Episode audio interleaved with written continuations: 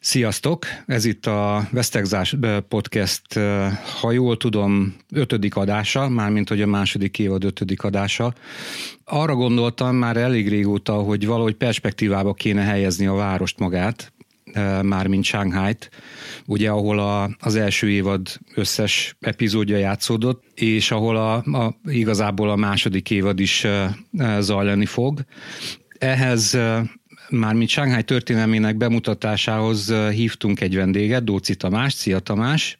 Hello, sziasztok, üdvözlöm a hallgatókat! Tamás természetesen, hogy csak hogy egyszerűbb legyen a helyzet, nem Shanghaiból jelentkezik, hanem Tokióból, majd mindjárt elmondja, hogy ez hogyan és miért. És azért Tamásra gondoltam ehhez az adáshoz, mert van neki egy, most néztem meg, hogy pontosan 13, hát egy, egy hónap napja volt 13 éve, hogy elindult ez a, a blogod, a to, Tofukai blog, ami alapvetően történelemről, kultúráról, de inkább nagyjából történelemről szól. Beszélnél egy kicsit erről, illetve magadról, hogy hogyan, hogyan kerültél Tokióba, hogyan kerültél előtte Kínába, stb.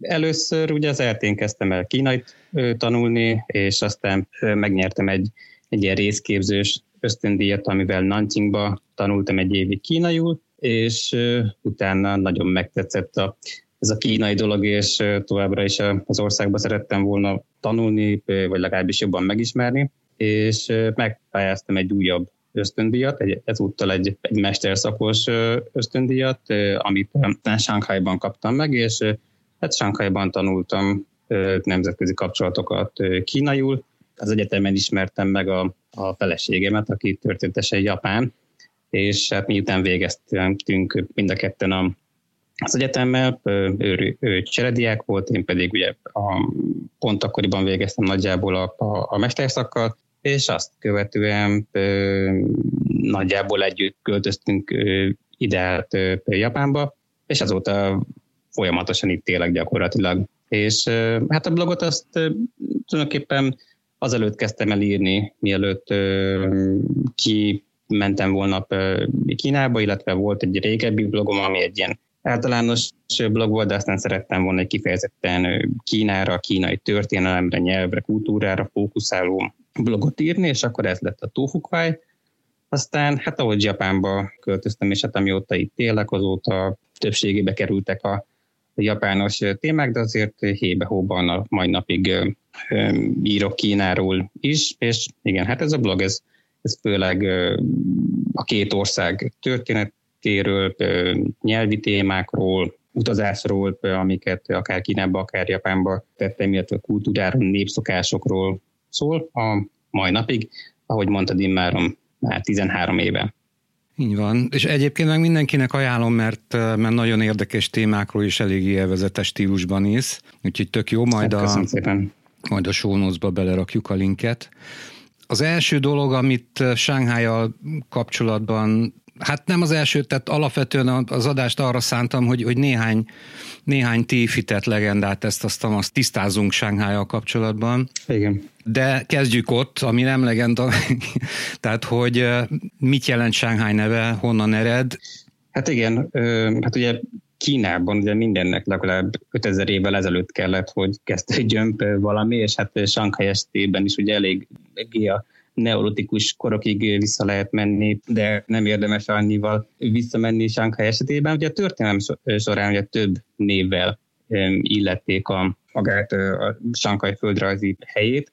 Hát legkorábban azt találtam, hogy a, a kínai ókorban, a tavaszok és az őszok korában Shen névem illették, de igazából a mai napi Shanghai elnevezés, hát az, az a Song dinasztiai Amerikától kezdve egy elég nagy ugrással ugye 960 és 1200-as évek végek közötti Song dinasztia korábban kezdték a, a Shanghai nevet a városra illetni, és ezek kapcsolatban azt tartják, hogy, hogy ez a Shanghai, ez a Wusongjiang, vagyis a, hát a, a Suzhou Creek, vagy a Suzhou folyónak az egyik szakaszát jelentette, ez nagyjából a, a Bund és a Honko közötti ö, szakaszt ö, foglalta magába, és ezzel kapcsolatban egyébként azt is találtam, hogy tehát volt egy felső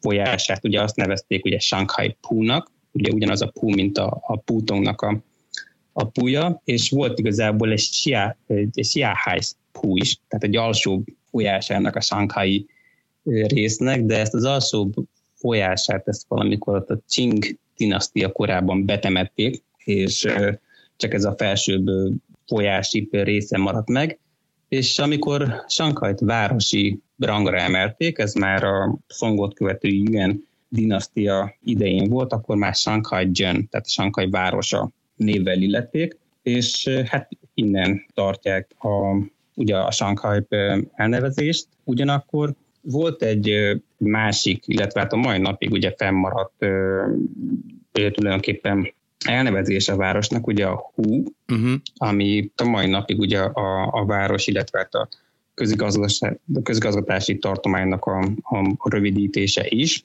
Hát meg a rendszertáblákon hát ugye ez van, ez a karakter. Így van, így van, a rendszertáblákon is.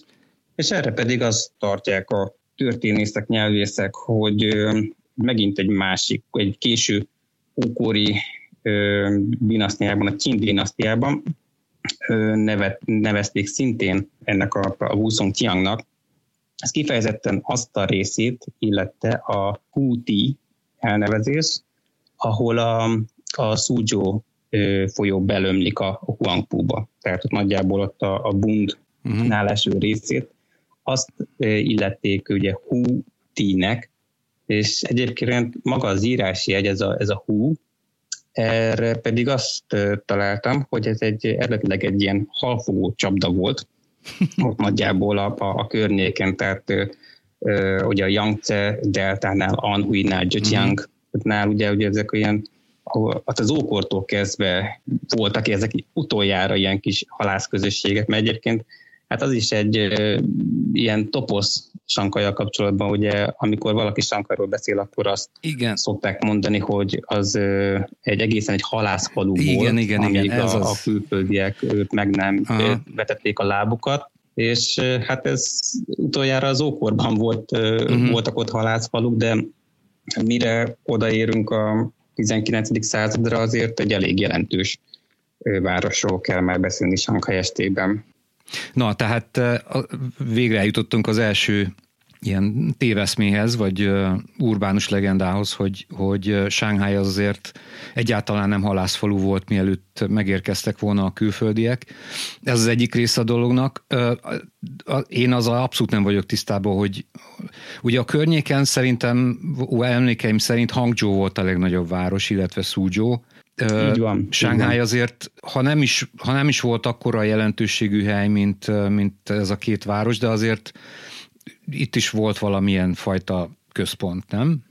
Hát igen, hát érdekességképpen, tehát a, ugye a mongol hódításnak az előestén, ugye Hangzhou volt az akkori déli Song a fővárosa, és akkoriban a Sankajt a közelsége véget, ugye Kis Hangzhou-nak nevezték abban az időben, mert akkor kezdett egy ilyen felemelkedő ívben lévő város lenni.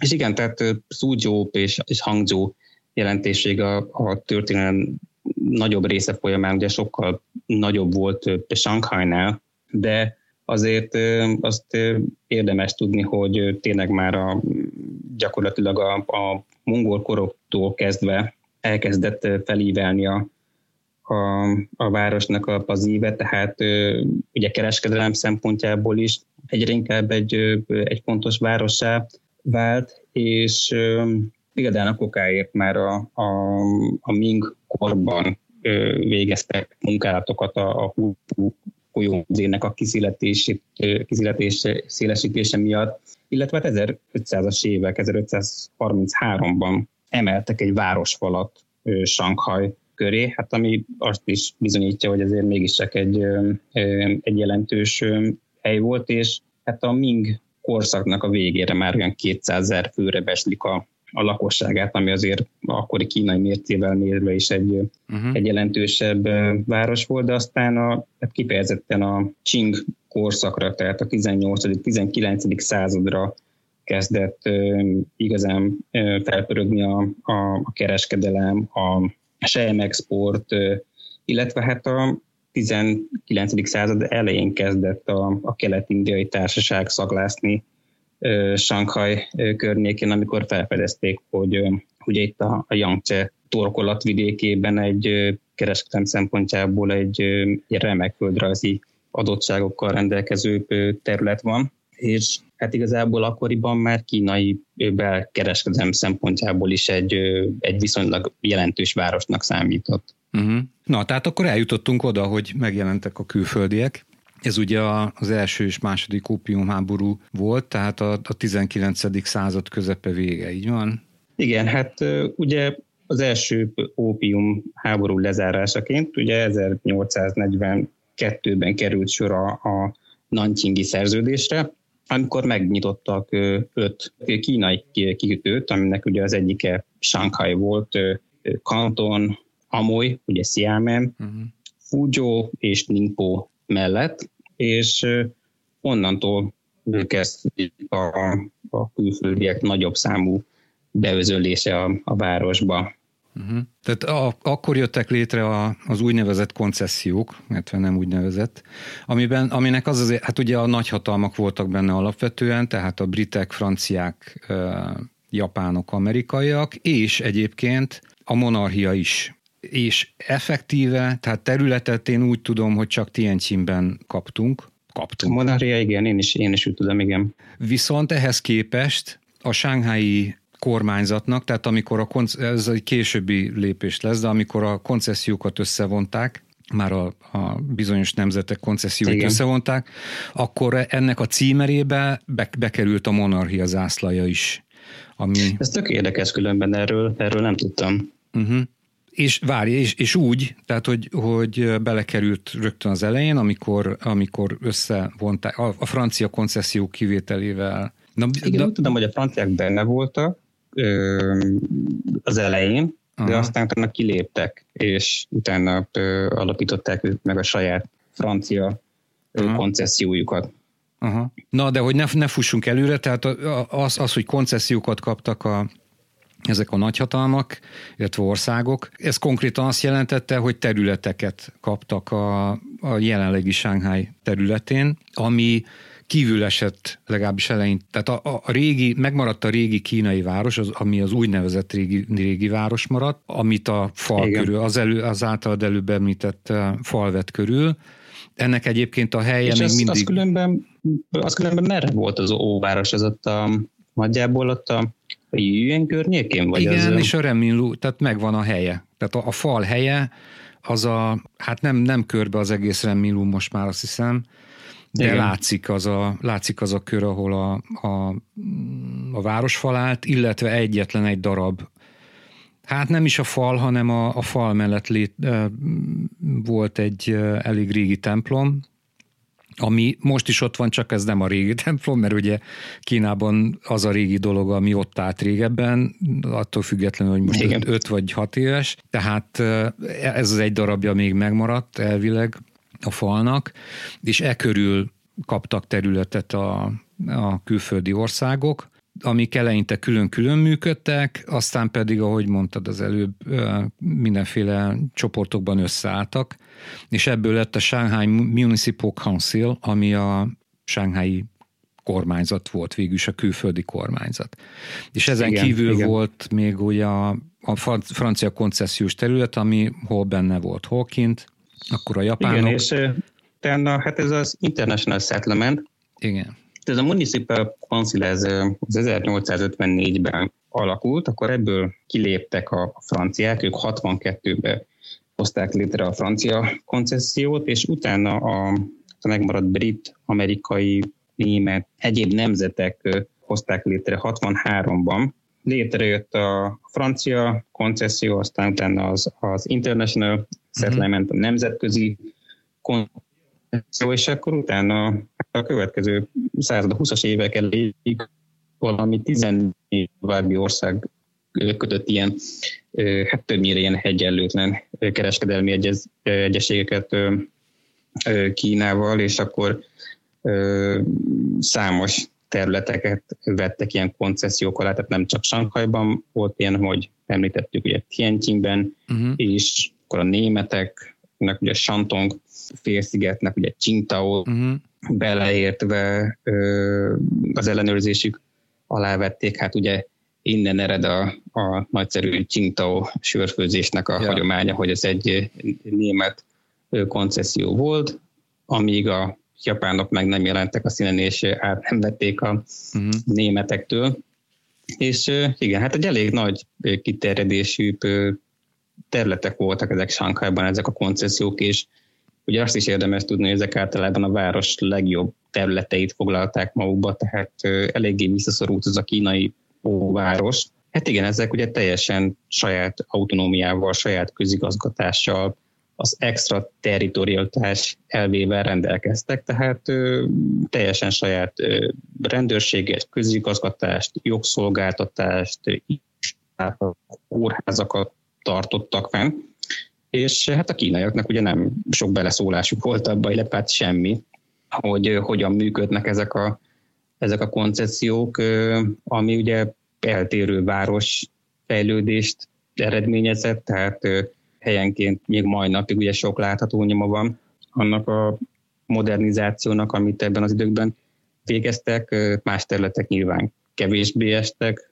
ennek a fejlődési hullámnak az élmezőnyébe, és hát ugye ez neked pozitív és, és negatív fejleménye is voltak, mert ugye ahogy emelkedett Sankajnak a, a lakossága folyamatosan, úgy a problémák is emelkedtek a, a városban, és például azáltal, hogy ezek a különböző koncessziós által felügyelt városlészek ennyire függetlenül működtek egymástól, ez például a század elejé bűnöldözésnek az összehangolását is nagyon megnehezítette többek között. Igen, csak még úgy, úgy röviden, tehát hogy összefoglaljuk, hogy a koncesszió mit jelentett. Ez gyakorlatilag azt jelentette, hogy a francia koncesszió az egy picike Franciaország volt. Tehát francia, francia jogrend volt. Itt Dél-Kelet-Ázsiában, illetve Ázsiában a vietnámi, illetve az indokínai rendőrök voltak az ilyen koncesziós területeken, mert ugye nem csak, nem csak Shanghai volt ilyen.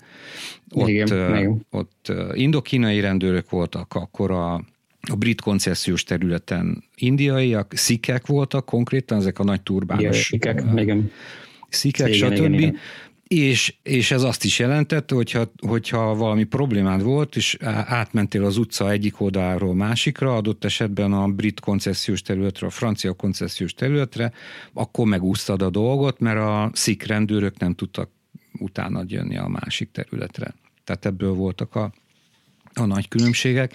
Viszont a, a fejlődés, amit, amit mondasz, az, az, hogy, az, hogy aránylag fontos területen volt, és nagyon gyorsan gazdagodásnak is indult a, a város, többnyire egyébként a legelején az ópiumkereskedelemből.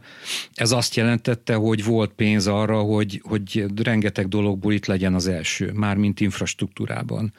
Például Sánghájban Igen. már 1882-től volt áramszolgáltatás, és utána még több évig Shanghai volt az egyetlen kínai város, ahol ilyen volt.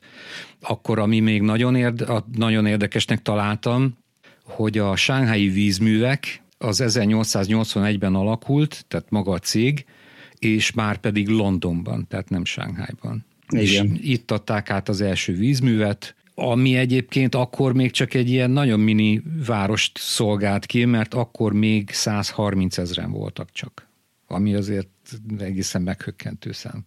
Igen, és már igazából akkor sem lehetett a Huangpu vizéből inni, és ezért volt szükség egy, egy víztoronyra.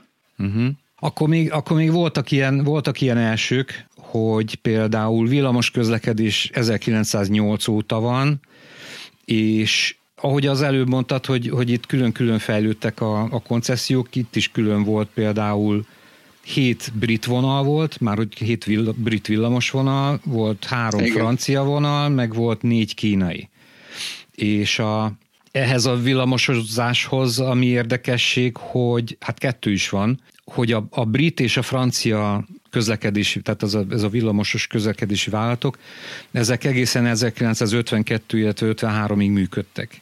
Tehát ugye 1949-ben volt a kommunista hatalomátvétel. Így van, a hatalomátvétel, és utána még három-négy éven keresztül itt Sánghájban működött két külföldi közlekedési vállalat. Ez szerintem tök érdekes. A másik pedig, hogy összesen azt mondja, hogy 14 villamos vonal volt ezek szerint, és ezeket utoljára, az lehet, illetve a legutolsó vonalat 1975-ben zárták le.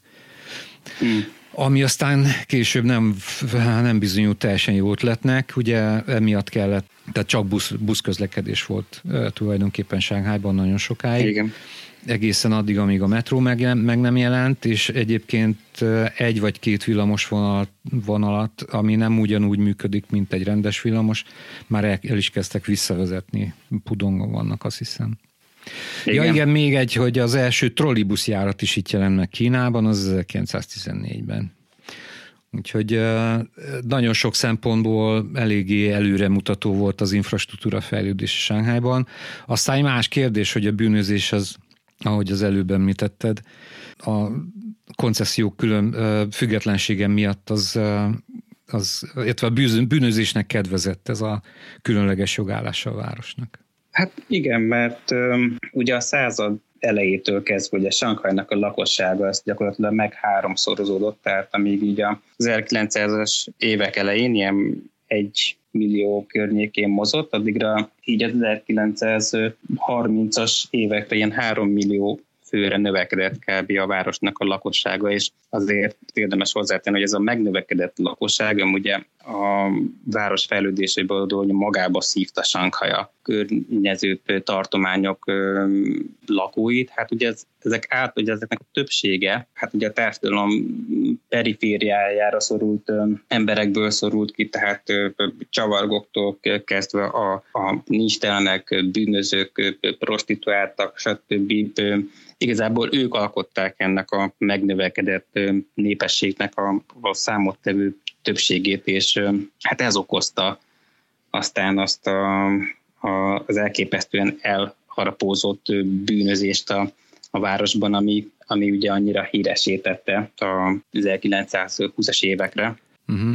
Egyébként arról van, van valami adatod? Én elfelejtettem őszintén szóval utána nézni, de én úgy emlékszem, hogy tehát amikor, amikor úgy nekiindult rendesen nőni a város lakossága, ez igazából exponenciálisan nőtt, még akkor is a külföldiek száma az ilyen néhány tízezres volt maximum. Igen, én is hasonló dolgokat találtam, eltérő beszlésekkel, de ilyen 30 és 60 ezer fő körüli számokat találtam így a 30-as évekig mm. bezárulva, és igazából a, hát ugye a, második világháborút megelőzően, illetve hát a második világháború alatt kezd majd ugye nagyon exponenciálisan megemelkedni a, a Sankajban élő külföldiek száma, mm. de addig azt megelőzően ugye főleg kínai népesség miatt növekedett meg a, a, az általános lélekszám. Igen, tehát ez is egy tévhit valamennyire. Meg egyébként, egyébként filmekben is meg szokott jelenni ez, hogy, hogy itt borzasztó mennyiségű külföldi volt, ez nem így van. Igazából arányaiban szerintem azóta se változott, jelenleg se nagyon változott az arány. Már úgy értem, hogy most is, hogy tudom én, van... lakosságot, így van. kínai lakossághoz képest, igen. Tehát, tehát egyáltalán nem voltak olyan nagyon sokan. Az más kérdés, hogy feltűnőbb volt, mert hogy a, a ahogy az előbb említettük, ezek a, a szik és indokínai rendőrök, ezek azért elég feltűnő jelenségek voltak. Meg nyilván Igen. a fényképek, amik fönnmaradtak, azokat nem ezek a, a kulik és a prostituáltak, meg a, a nagyon szegény kínaiak csinálták, hanem nyilván azok a külföldiek, akiknek volt pénzük kamerákra, és ők egymást fényképezték. Tehát emiatt van az, hogy egy kicsit, kicsit mintha úgy tűnne, mint hogyha, mint hogyha nagyon sok külföldi lett volna, de ez egyáltalán nem igaz. Van még, egy, van még egy ilyen urbánus legenda, ami egyébként az egyik előző adásban is fölmerült a Ági részéről, nem itt el nekem, de ott most akkor küldünk neki bizonyítékot, hogy egy igazából én ahogy néztem, egy Bruce Lee filmben fordult elő ez először, tehát onnan terjedt el szerintem az urbánus legenda, hogy, hogy a városi parkokban, mert ugye a külföldiek elkezdtek építeni pihenővezeteket, kvázi. Igen. Klassz parkokat, a folyópartokon nyitottam ott, és az egyik Bruce Lee filmből jelent meg egy filmkocka, egy kivágott filmkocka, amin az van, hogy kutyáknak és kínaiaknak belépni tilos. És ennek, ennek azért konkrétan ilyen nem volt. Egy érdekes sztori. Volt, ugye az angol konzulátus épített egy, egy parkot, még ez 1868-ban, ez volt a Public Garden, uh-huh. ami ott volt, a, ahogy ott van a, a Bunna, hát ez ugye a Huangpu Park a Igen. mai napig, és hát annyi alapja van ennek a, ennek a toposznak, ennek a, ennek a városi legendának, hogy, hogy ennek a parknak, hát ez alapvetően a konzulátus személyzetének, majd illetve hát a, ennek a nemzetközi telephelynek a, ugye az elitjének fenntartott park volt, és ennek szigorú szabályzata volt, hogy ugye kik léphetnek be, és kik nem. Tehát volt olyan szabályzat, igazából megmaradt a parknak a teljes szabálykönyve a különböző évekből, és ez helyenként változott, de ami nagyjából általános volt benne, tehát például 1894-ig kínaiak nem léphettek be a parkba, és aztán később változott, hogy utána csak kísérővel léphettek be, és a többi. És amit a, a, igazából a, a gatyvaszt eredményez, illetve ennek a legendának a, a, a kiinduló pontját, hogy a szabálykönyvben az is szerepelt, hogy kutyával belépni tilos volt. És igazából az soha nem szerepelt egy mondatban, hogy kutyáknak és kínaiaknak belépni tilos, hanem ez a szabálykönyvnek egy-egy része volt, hogy kínaiak sem léphettek be, kutyával vagy más egyéb állattal sem lehetett belépni, és ez igazából már a 1920-as években ez már egy ilyen elterjedt toposz volt már akkoriban, tehát hmm. ezt érdekességképpen ugye Puyinak, az utolsó kínai császárnak a, a nevelője, bizonyos Reginald Johnston megjegyezte egy 1927-es írományában, hogy ez már úgy elterjedt ez a ez a toposz, hogy már lehetetlen kiírtani a, a közbeszédből, és aztán természetesen először ugye a kínai kommunisták, ugye Komuro, aki egy ilyen korai ideológusok volt, ugye ő, ő publicisztikálta ezt eléggé erősen, de aztán utána a Kuomintang oldalról is ugyanúgy ha. terjesztették ezt a, ezt a tévhitelt, Ah, és mind a, két, mind a két oldal aktívan tett azért, hogy ez megcsontosodjon a, a, a kollektív emlékezetben, és utána, ahogy mondtad, a, az, az 1973-as Bruce Lee film, ugye a Chinese Connection, vagy ugye a tomboló ököl magyar fordításban, abban szerepel ez a, ez a bizonyos jelenet, amikor Bruce Lee szét, szétrúgja azt a kínaiaknak és kutyáknak belépni mm-hmm. tilos táblát, és ez emelte igazából a popkultúrába ezt a hát tulajdonképpen nem létező jelenséget, de igazából a, tehát ahogy említettük, hogy a konceszióknak ugye saját szabály és jog uh-huh. rendszere volt, tehát ott nem járhattak, élhettek, ugye elsősorban kínaiak szabadon, ez tény és, és valós, de nincs szó arról, hogy azonos mondatban szerepelt volna a kutyák és kínaiak uh-huh. kifejezés, ami ugye ennek az egész toposznak a, a, az alapja. Uh-huh. Uh-huh. Hát meg, meg én úgy emlékszem, hogy, hogy ez a, tehát hogy kínaiaknak belépni tilos, ez, ez elég gyorsan el is tűnt. Tehát valahogy a századforduló környékétől már, már kínaiak is bemehettek. Igazából itt valami olyasmi volt, hogy, a, hogy aki az adót fizeti az adott koncesszióban, azok számára volt ez igazából publikus kert, vagy valami hasonló volt. Tehát, igen, finanszírozási igen. oka volt alapvetően, ha akarom, de hát nyilván Nyilvánvalóan volt benne egy kis, egy kis rasszizmus is, azért ugye a 19. század végéről beszélünk, ez nem, nem, nem a 20. századról. Igen. Tudod. Igen. Ja igen, még ehhez, ehhez hogy, hogy mennyi külföldi élt, két ilyen nagyobb hullám volt egyébként, tehát a, a ópiumháború után betelepedett a, a brit, amerikai, japán, német, akárki kereskedő társaság, de hát azért itt nem nagyon volt infrastruktúra, meg, meg fertőzések voltak, meg meleg volt, meg nem volt fűtés, stb. Tehát azért nem volt egy olyan csodálatos környék ez annak idején, és amikor ki, Igen. kezdett képülni az infrastruktúra, és aránylag nyílt város lenni Shanghai, akkor volt egy nagy, nagy hullám az orosz polgárháború után, amikor a fehérek, tehát a nem kommunista, nem bolsevik Igen. oroszokból volt egy nagyon nagy, nagyon nagy betelepedés, nem csak Sánghájban, hanem, hanem az észak-kínai területeken is, és utána pedig, amit mondtál, hogy a második világháború előtt. Igen, Sankai volt azon kevés városok egyik, ahol nem volt vízumfeltétel, tehát Európából sok szó erről, tehát a, ugye elsősorban a 30-as évektől kezdve ugye a náci Németországból menekültek oda sokan, de például Frankónak Spanyolországából is, meg ugye szerte gyakorlatilag a világ számos pontjából, de ugye elsősorban Európából, tehát egyrésztről ugye a, a bolsevista, szovjet terrorerőt, másrészt meg ugye a nácizmus, nácizmus, nácizmus miatt, és hát utána emelkedett meg egészen magasan ugye a Sankajba tartózkodó külföldiek száma. Uh-huh.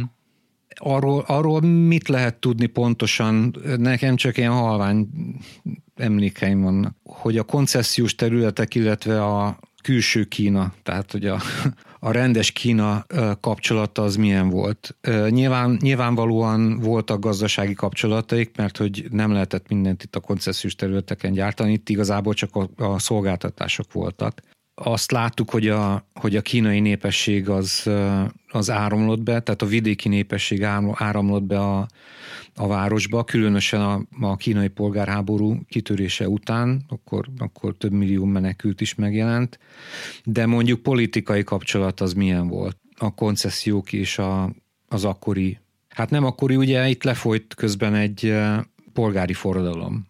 Igen, hát Igazából, hát ahogy mondtad, hogy egyrészt ugye sok Kína is gyakorlatilag nek több hulláma volt a kínai, a kínai menekülteknek a koncessziókba áramlásának. Hát ez igazából egészen régen még a, még a typing felkelésnél kezdődött, akkor volt az első ilyen nagy kínai menekült hullám, ugye a typing felkelők elől menekült a, a, az akkor létrejövő külföldi koncessziókba, és aztán Hát fokozatosan ugye a 20-as ugorva egy kicsit az időben, a 20-as évek elején ugye Kínában megkezdődött a, a polgárháború, a, az újonnan az egyébként Sánkhájban megalakult kínai kommunista párt és a Kai-shek vezette Kuomintang között, és hát ugye ebben az időben is rengetegen menekültek vagy a, a francia, vagy a, a nemzetközi koncessziókban a másik oldal pedig ugye a,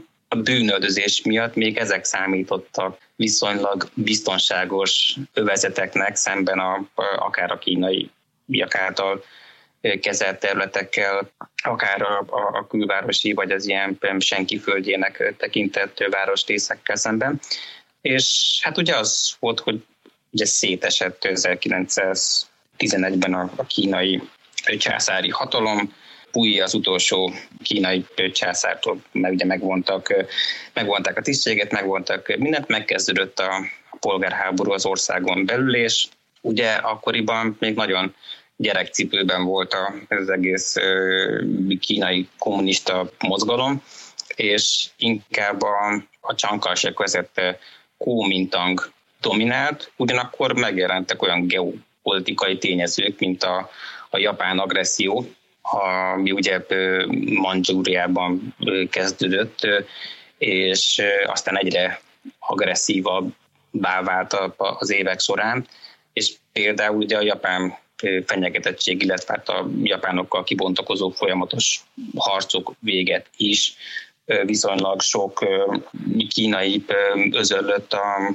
a különböző külföldi koncesziókban, és hát ebben az időben ugye rengeteg probléma volt ugye Kína egészét tekintve, tehát ott voltak a, a csírázó kommunista mozgalom, ott volt a, a, a Kuomintang, ott voltak a, a különböző kínai hadurak, ott voltak a külföldiek, egyre agresszívabbá váltak a japánok, tehát ez a széttagoltság, ami Sankajt jellemezte, ez nem is tudott nagyon megoldódni, hát egészen ugye a tehát tulajdonképpen a 49-es kommunista hatalom átvételig, tehát az, hogy egy érdekes kapcsolat volt, mert ugye a nemzeti kormány egészen az első világháború után és a második világháború között, hát az gyakorlatilag a, a Kuomintang kormány jelentette, és ők pedig úgy volt, illetve hát Csankásek úgy volt vele, hogy az elsődleges fenyegetést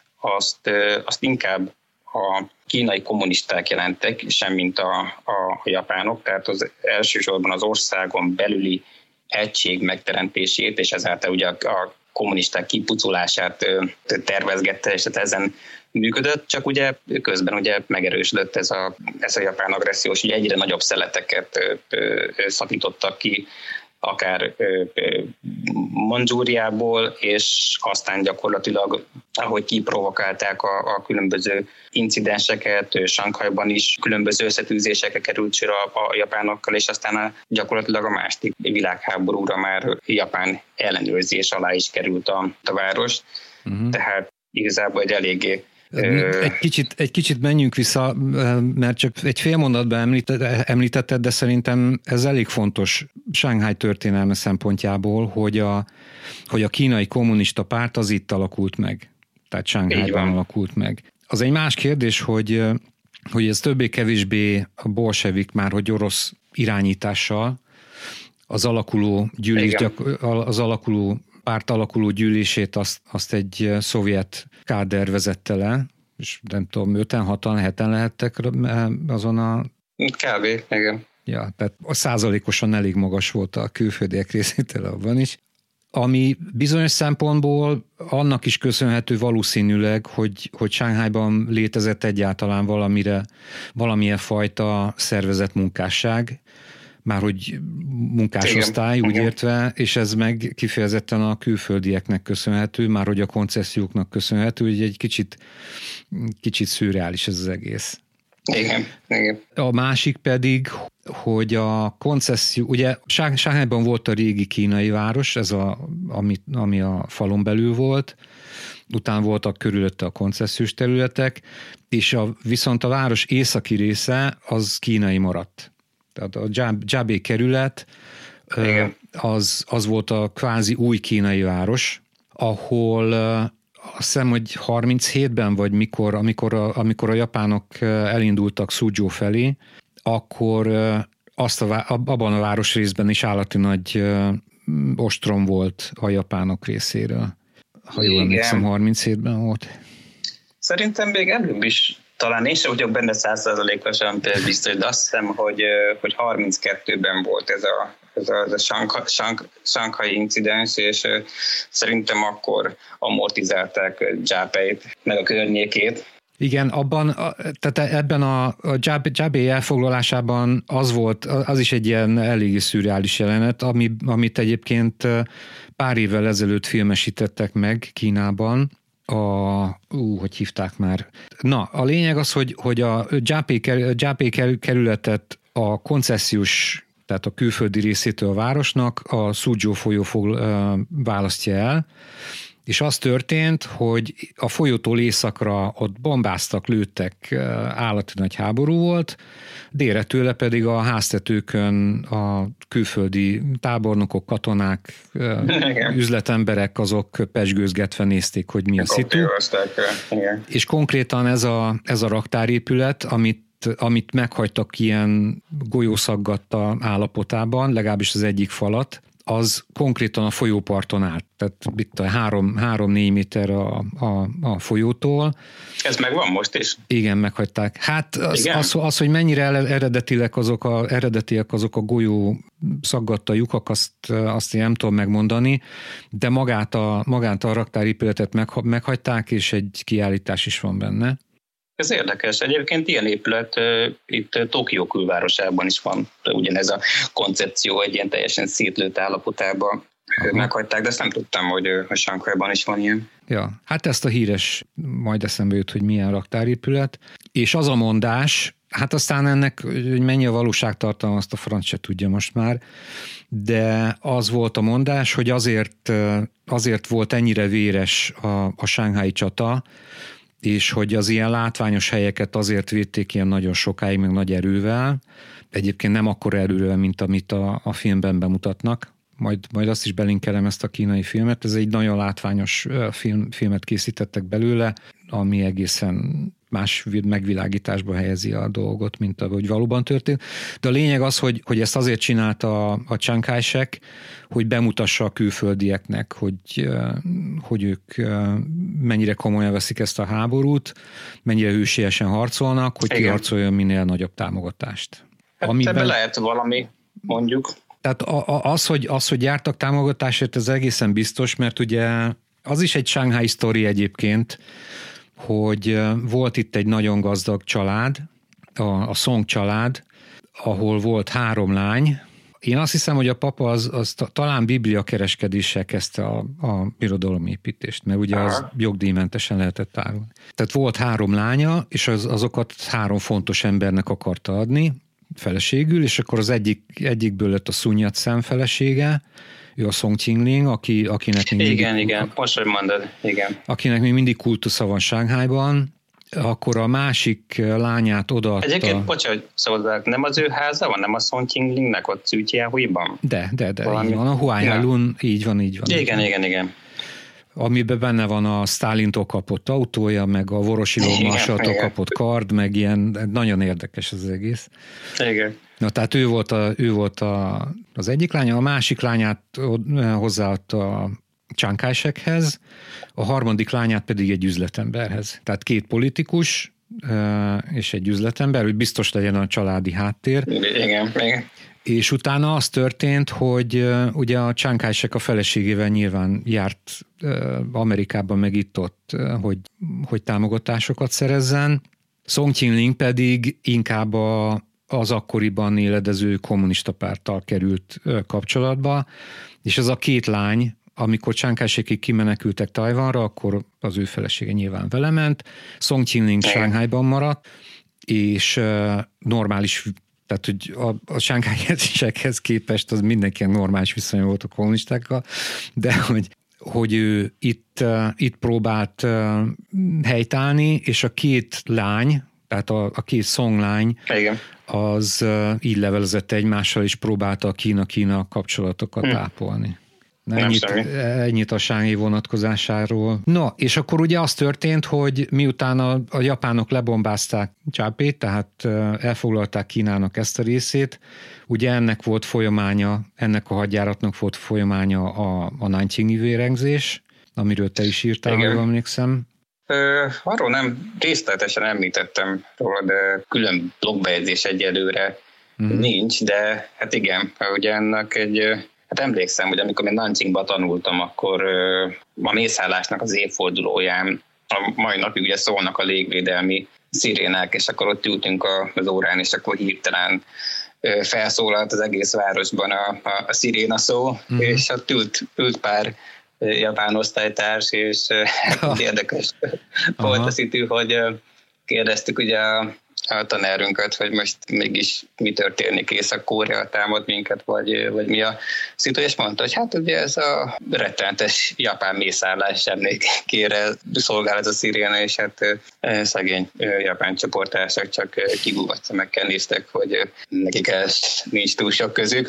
Hát meg elvileg, elvileg ők azért annyira nem is tudnak róla, mert, mert ha jól tudom, Japánban ezt nem oktatják. Hát kvázi fingjuk sincsen róla Aha. szerintem, ugye ezt nem nagyon került be az itteni történelemkönyvekbe, hát talán okkal. Uh-huh. De igen, alapvetően nem, szerintem a japánoknak a többségének nem, nem túl sok fogalma van arról, hogy milyen háborús védségeket követtek el, hát egyszerűen szóval nyilván tudatosan nem verték ezt bele a kollektív emlékezetben. Hmm. Ez mondjuk egy, egyébként egészen elképesztő. Tehát maga, maga ez a, amit a japánok műveltek itt Kínában, meg, meg az, hogy, hogy erről mekkora csend van Japánban, ez, ez nem, nem, igen, is gondoltam igen. volna, hogy, hogy ezt meg tudják csinálni. Amikor a Sánghai csata volt, annak azután még volt talán egy Szúgyói csata is, és akkor végén kikötöttek Nanjingban, olyan mondás is van, hogy, hogy igazából a Nanjingi vérengzés az azért lett ilyen borzalmas,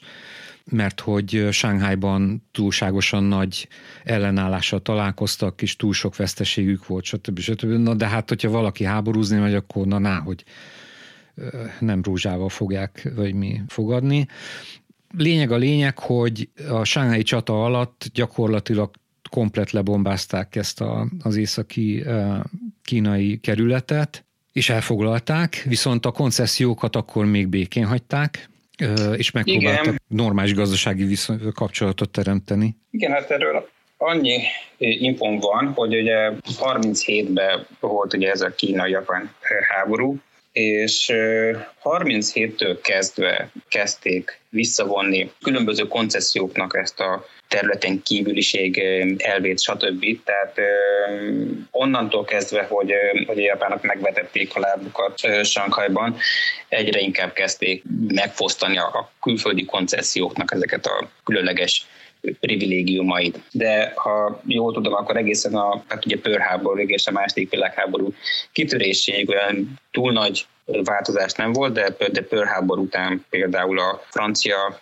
koncesszió, vagy mondjuk a, a nemzetközi konceszióknak a, ez a különleges jogkore megszűnt, és igazából hát innen állt le nagy a külföldi, hát elsősorban zsidó menekülteknek a városban özölése, mert hát ugye a tengelyhatalmak és Japán és Németország szövetsége répésével már Németország nem nézte jó szemmel, hogy itt a javarészt japánok ellenőrzése alatt álló Sankhajba itt gond nélkül áramolhatnak be a, menekültek, és utána miután a japánok nagyobb ellenőrzést szereztek a, a város felett, utána vissza, visszavágták a, a menekülteknek az érkezését is. Igen, ami, ami egyébként egy kicsit ilyen tragikomikus ebben az egészben, hogy amit említettél, hogy a, hogy a japánok nyomást helyeztek a külföldi koncesziókra, és miután ugye Pearl Harbor után bevonultak a külföldi koncesziókra és a, a, a japánok, Igen. egész addig kívül tartották magukat, de a jogállás a konceszióknak megmaradt.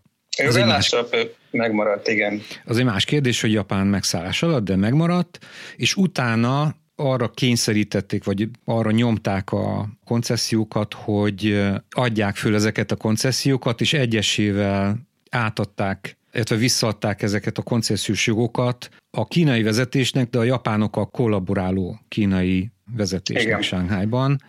Úgyhogy ilyen relatíve komikus módon nem a kínaiak szerezték vissza a koncesziókat a külföldiektől, hanem a japánok. Így van, igen. No, és miután bevonultak a japánok a koncesziós területekre, ugye akkor már háborúban álltak a, az amerikaiakkal, most én nem tudom, hogy pontosan a második világháborúban ki mikor kinek üzent hadat, tehát hogy a japánok jogilag mi, mikor kezdtek hadba állni a britekkel, meg franciákkal, ez, fogalmam nincs. Én se tudom, de feltételezem, hogy pörhábor után. Hát valószínűsítem, de hát ki tudja, tudod, ilyenkor ezek a Igen. papírmunkák, ezek tartanak Igen. De lényeg a lényeg, hogy a, ugyanúgy egyébként, mint, mint a háborúban szokás, máshol is, Uh, ahogy Amerikában is, meg, uh, meg a briteknél is, a, az ellenséges hatalmak állampolgárait uh, internálták Sánghájban is. Igen. Azaz kvázi koncentrációs táborba zárták a, az amerikai, brit, francia állampolgárokat, és Igen. még volt egy nagy, és egyébként ők voltak aránylag kevesebben, mint az, az imént megbeszéltük, hogy vízum nélkül az úgynevezett hontalanok, a, a, a németországi, illetve kelet-európai zsidók például, akkor a fehér oroszok, mert ugye már hogy a fehér oroszok, akik veszítettek a polgárháborúban, azoknak sem maradt állampolgárságuk, tehát egy, volt egy néhány jó pár tízezres külföldi népesség Sánghányban, aki úgynevezett hontalannak, hontalan volt a definíciója, Igen. és ezeket még egy külön táborba, hát nem táborba, hanem Hongkong kerületnek egy ilyen gettószerűen lezárt területére terelték. Amit, úgy hív, amit manapság úgy hívnak, hogy a sánghái zsidó gettó, de ez egyáltalán nem úgy működött, mint a mint Európában a kelet-európai eh, gettók. Egyébként e, e, ezekről az internáló táborokról készült egy film is, egy brit író, egy, egy neves brit író, J.G. Ballard írt erről egy könyvet 1984-ben, Neki az az érdekessége, hogy egy utcában lakott Hugyec Lászlóval, aki Shanghai egyik... Tényleg? Igen. A, ott, ott, lakott, ott lakott tőled 200 méterre, akkor lesz ottól? De jó.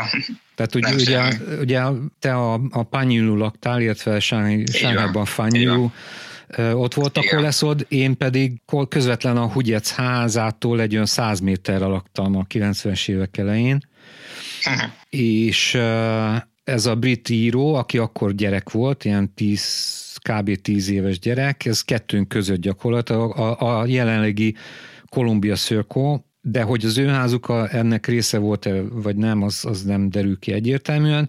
Minden esetre fenn van YouTube-on is például egy videó, amikor uh, valahogy a 80-as években visszalátogat Szerintem lehet, hogy a filmforgatásra érkezett, mert 87-ben, így van, Spielberg csinált, Spielberg csinált belőle filmet. 87-ben. Olyan héten akartam, mi ennek a neve?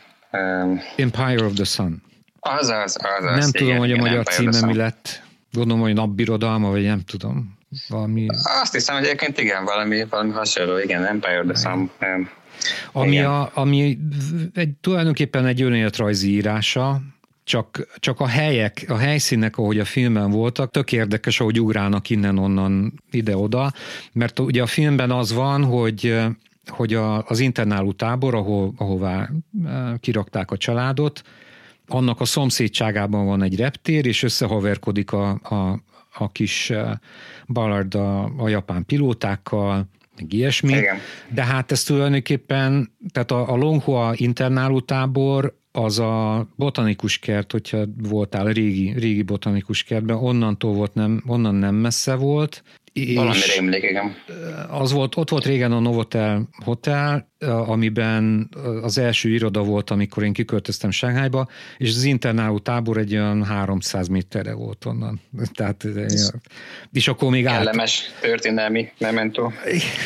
És akkor még álltak egyébként az épületek, csak hát a franc tudta, én, én vagy 10-20 éve, hát legalább 10 évvel később jöttem rá, hogy, hogy az ott volt, és ak- akkorra már, szerintem, szerintem a- a- akkor került be a hírekbe, amikor elkezdték lebontani az utolsó épületet. És talán még, még valahogy átalakított formában megvan egy. Na mindegy, tehát ez a három-négy helyszín, ami a, ami a könyvben, illetve a filmben szerepel, ez nem úgy volt egymáshoz képest, ahogy, de egyébként, egyébként érdemes megnézni a filmet, mert ugye ez volt az első film, azt hiszem, az, az utolsó kínai császárt, azt te sem emlékszel, hogy mikor forgatták. Az is vagy 80-as évek, de, de talán később. Jó kérdés. Lövésem sincs, nem tudom. De, de azon a környéken, de hogy az biztos, hogy Shanghaiban, tehát kint a városban ez volt az egyetlen, vagy a legelső külföldi film, amit engedtek forgatni és a, a Bund például ott nem kellett még CGI-t csinálni, meg semmiféle trükköt, Azt mert az igen, igen. egy az egyben úgy nézett ki 87-ben, mint, mint 49 előtt. Illetve ugye ez 44, 40, illetve, bocsánat, 40-es évek elején játszódik a film. Tehát ennyiből is érdemes megnézni, mert egy az egybe ugyanúgy néz ki a, nézett ki a város még a 80-as évek közepén, mint a koncessziós időkben. Igen. Hát ugye a lútjátszói Skyline-t leszámítva, de a Bund az, az, az, az valóban hasonló, hogy legalábbis hát tényleg úgy tűnik, hogy nem, nem túl sok változás, ott nagyon ne, szépen konzerválódott. 87-ben még sehol nem volt lútjátszói. Sehol. Hát igen, igen, igen. Úgyhogy még az se kellett volna. Ja igen, á, na jó, ha már ott tartunk, ha már ott tartunk, hogy pudong. Mert ugye a, a második, vagy, vagy nem tudom, valahanyadik legenda, hogy ott kizárólag rizsföldek voltak, mielőtt nekiálltak ott fölépíteni a felhőkarcolókat. Ugye most az, a, az az oldala néz ki úgy Shanghai-nak, mint Hongkong mondjuk, és ez szokott általában a, Shanghai-ról készülő filmekben, tévéműsorokban, fényképeken szerepelni, ez a sok fejű karcolós oldala Shanghai-nak, hogy ez sem így volt. A pudongi oldal az valóban sokkal kevésbé volt fejlett, mint a, mint a koncessziós területek. Ugye a pudongi oldal az, az kiesett a, a koncessziós területekből. Igen. Egészen a tengerpartig, ez egy ilyen mondjuk ilyen 100 km, 80-100 kilométeres sáv, parti sáv, de mivel a Yangtze-n följöttek a Huangpura a hajók kikötni, ezért a pudongi oldalon is volt, voltak üzemek és, és raktárak. Gyakorlatilag az egész folyóparton végig így gyöngyszerűen fölfűzve. Sőt, még beljebb is volt egy jó néhány gyár, adott esetben kínai gyár, például, mint, mint kiderült számomra legalábbis csak az utóbbi pár évben, hogy a, hát ez egy kicsit bonyolult, de egyszerűen fogalmazva a, a, a barátnőmnek a kvázi családja, nemzetsége igazából, Igen. ott a dédnagypapa, vagy legalábbis akit úgy hívnak, ő volt az első kínai multinacionális cégnek a tulajdonosa, és neki például a, igen, igen, tojásüzeme, tojásüzeme volt, és ez a tojásüzem, ez oda át volt Pudongon, és most volt egy, egy évvel ezelőtt talán, vagy valahogy így, hogy a, hogy a gyárban ilyen kisebb lázadást tört ki, mert le akarták bontani a, az utolsó megmaradt épületet, és nem engedték. Tehát annyira, annyira megmaradt még ez a, a történelme a gyárnak. Meg, egyébként ez egy barom érdekes sztori, majd lehet, hogy erős kéne egy külön adást csinálni erről az egész nemzetségről, meg a nimbói kapcsolataikról. Hát érdekesnek hangzik. Igen, hát például még a tulaj, tehát a tojásgyár tulajnak a falujából, ő onnan hozta a melósokat többnyire, mert ugye megbízhatóak voltak, és ezeknek a leszármazottai azok még ott dolgoznak.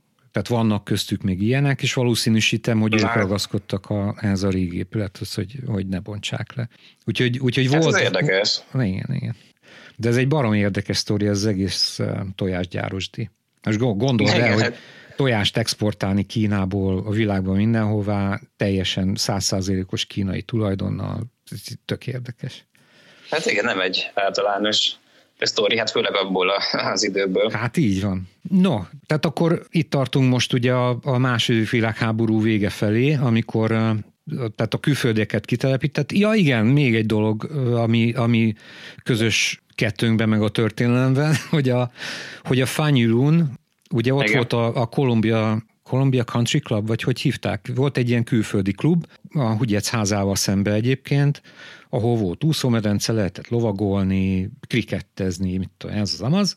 És amikor, a, amikor bejöttek a japánok, és mindenkit bezártak ilyen koncentrációs táborokba, akkor a, a Columbia Country Club volt az egyik, a Fanyulun, és volt ezen Igen. kívül még egy tábor a Fanyulun meg még ott a Janánon is.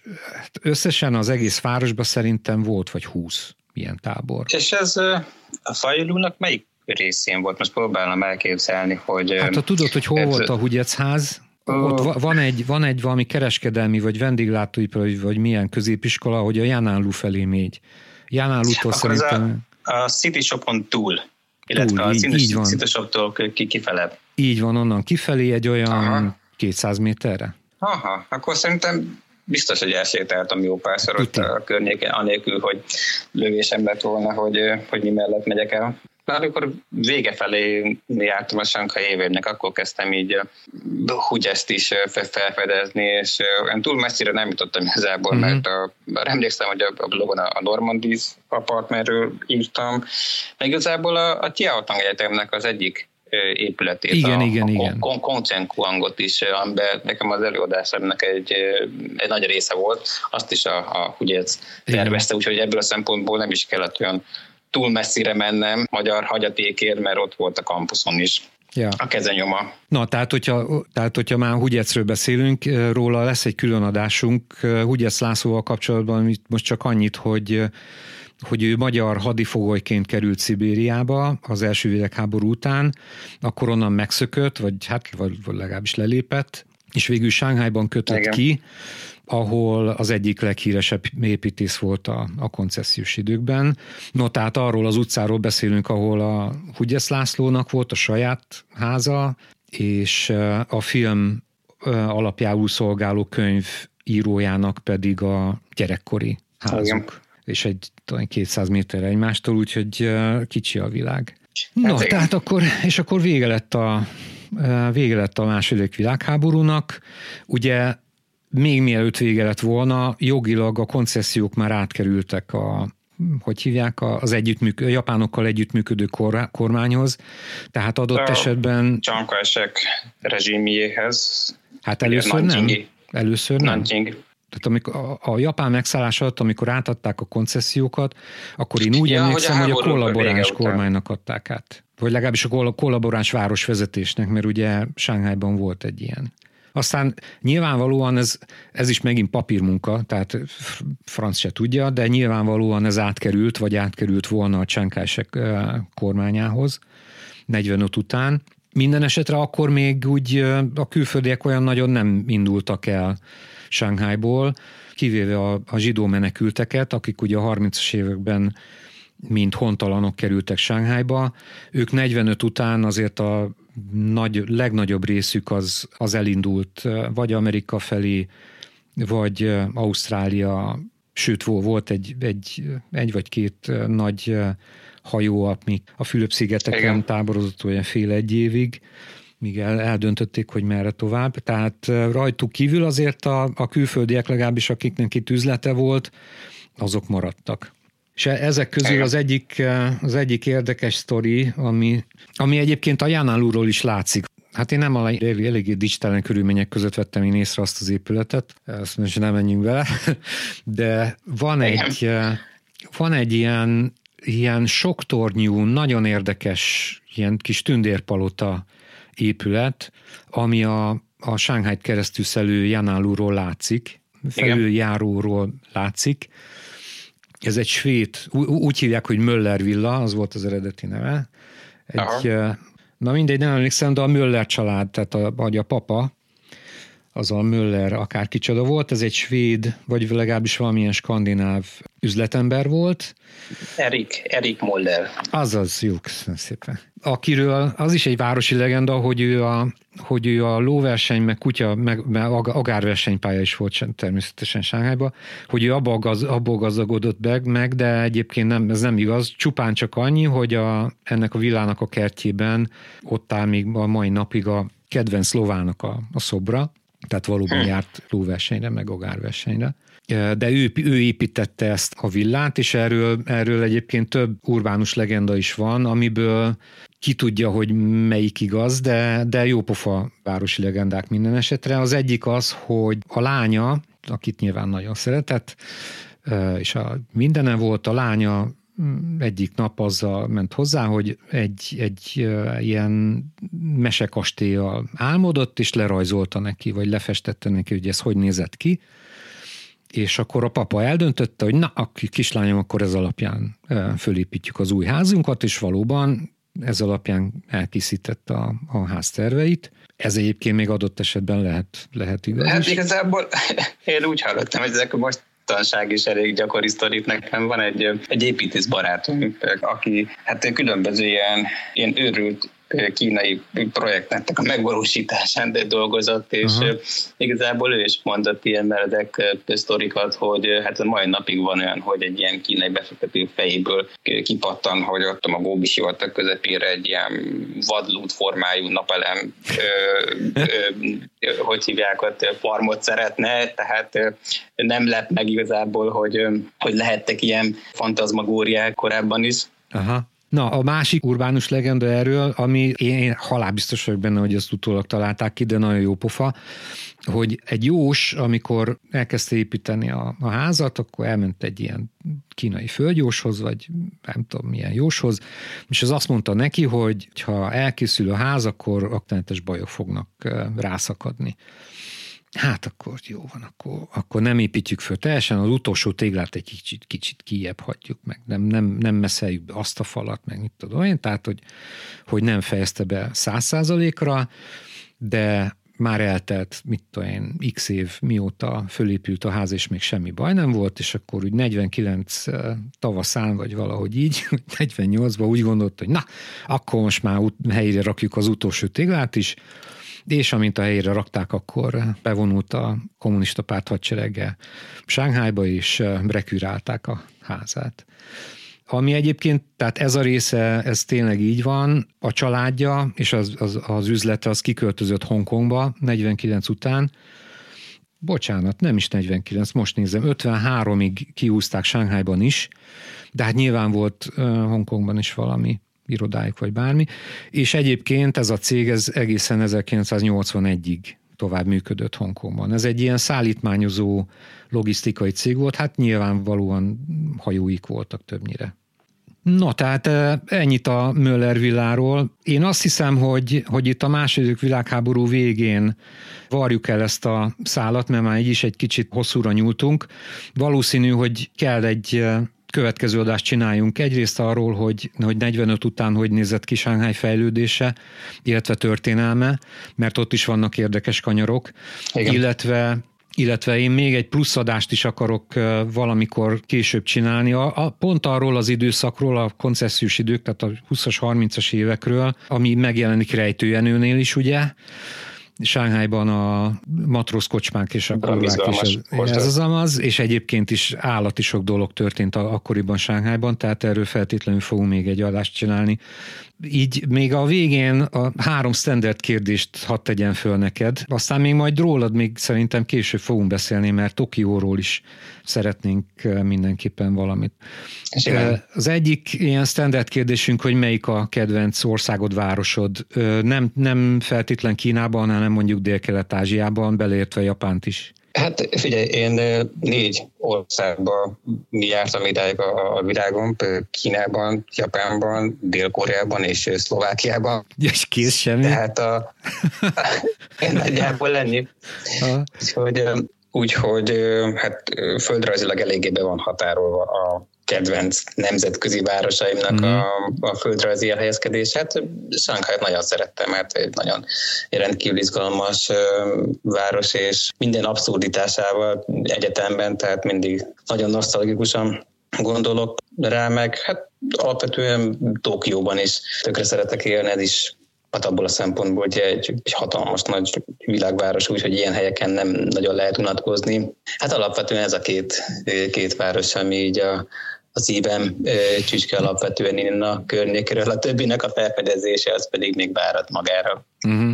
Hát ez most akkor egy, egy, egy darabig még továbbra is fog váratni, mert ugye és hát sajnos, hadd gratuláljak, igen. hogy hamarosan jön a babanálatok. Úgyhogy így van, így ne, van most egy darabig megint nem leszünk túl mobilisak.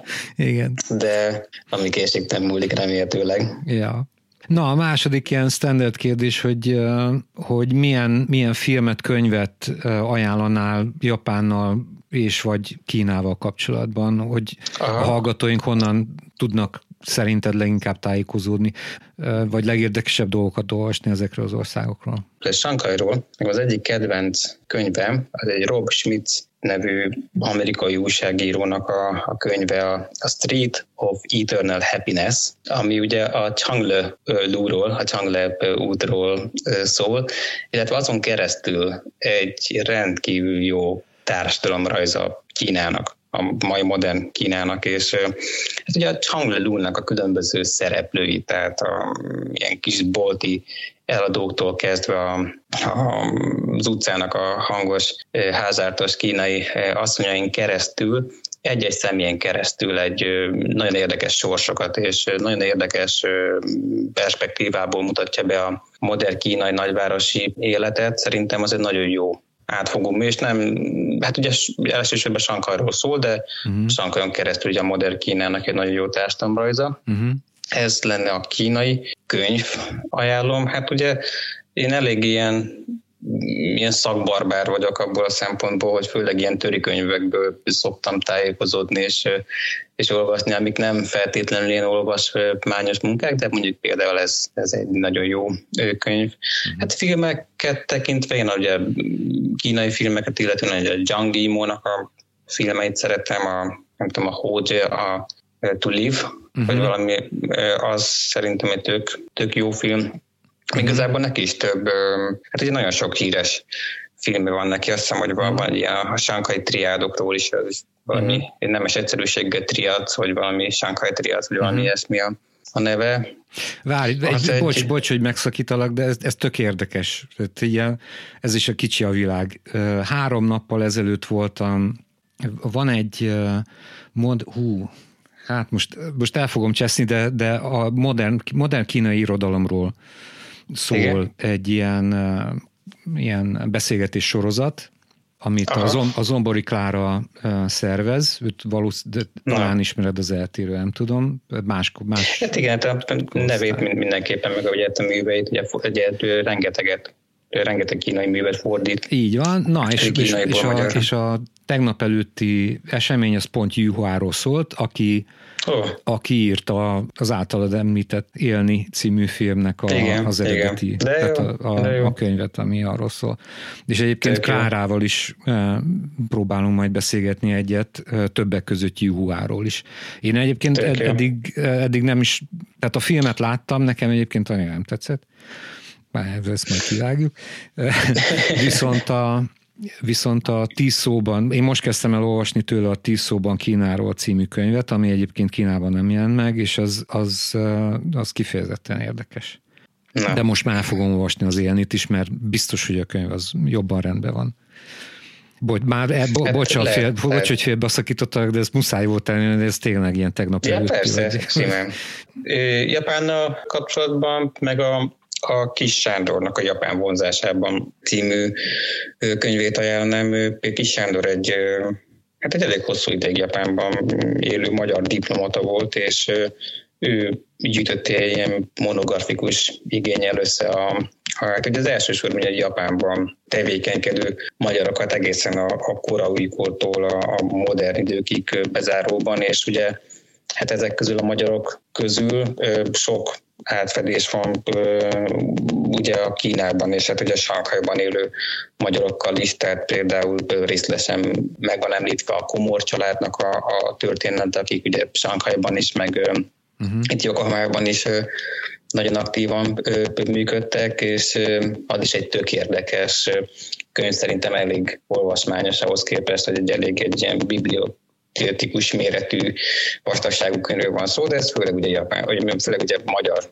perspektívából mutatja be itt uh-huh. elsősorban Japán és Kelet-Ázsia történetét ez, ezzel a kettőben. Uh-huh. Készültem alapvetően. Én nem vagyok olyan túl nagy filmes uh-huh. igazából, tehát szerintem nálam ezer, ezer többet tudok, vagy legalábbis sokkal több jobb filmajánlót lehetne keríteni, mert biztos, hogy marha sok van, de én igazából nem vagyok túl nagy filmes.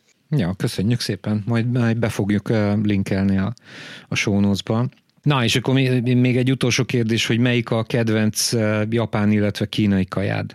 Hú, hát kínaiból ugye a Szechuani konyhát, meg a, az ilyen jó markásan csípős ízeket szeretem, Szechuani húnani konyhát úgy alapvetően, uh-huh. hát mm, amúgy meg az ilyen slágereket, nem tudom, mapo tofu, huikóró, meg, meg igazából a tompei konyhából is ugye van egy csomó minden, ami, ami teljesen, teljesen jó. Japán konyhából pedig alapvetően az ilyen különböző ilyen grillezett ilyen mindenféle jakival kezdődő, ugye grillsütés jelent, tehát a yaki, yaki tori, yaki niku, az ilyen különböző ilyen, ilyen faszenes grillen sült kocsmakajáktól kezdve, hát uh-huh. nem tudom, az itt ilyen slágernek számító rámen, udom, uh-huh. tésztaételek. Hát de igazából mind a japán, meg mind a kínai konyha is barom jó, meg igazából bárki tud olyan dolgot találni magának, amit igazán szeret, úgyhogy ebből a szempontból mindkét ország konyhája nagyon izgalmas szerintem. Uh-huh. Jó, mondjuk ezt tegyük hozzá, hogy én ahogy Facebookon látom, ilyen nagy, nagy gurmé főzéseket rendeztek otthon, úgyhogy neked olyan nagyon nem is kell elmenni kajálni, hogyha jót akarsz enni. Ez Ó, csak hát ilyen bónusz kérdés volt igazából. Jó, hát azért van hol inspirálódni, hogy, hogy úgy mondjam, de, de tény, hogy itt nem volt olyan itt nem volt olyan effektíve vesztegzár mm. Japánban, mint, mint nálatok, de hát ugye mm, az egész korona mizériának az egyik velejárója volt itt is, hogy ugye bezárt, de nem volt itt semmi, mm. és hát ez beleűzött minket az otthon főzésbe, és, és azóta tényleg sokkal többet főzök, mint a, mint a járványt megelőzően. Na jó, jó, figyelj, azért a múltkor, múltkor valami olyan posztod volt, hogy hm, szendvicset akartam enni, de a, bezárt a pék, és akkor csináltam magamnak, és akkor leírsz egy ilyen 5-6 órás procedúrát, hogy, hogy mennyi ideig sütötted azt a két nyomorult bagettet. Vagy nem, bocs, nem bagett volt, igen. hanem ez a vietnámi, vietnámi bagett. Tehát, ez a bambi szendvics, hát igen, hát megvacsoráztunk éjfélkor, úgyhogy Tehát 6 órát el, elpepecselni egy izével, egy vietnámi bagettel, azért ez, ez is már hát kicsit szív. Hát meg módját, hát nem szabad a kelesztést elsietetni, abból semmi, semmi jó nem lesz.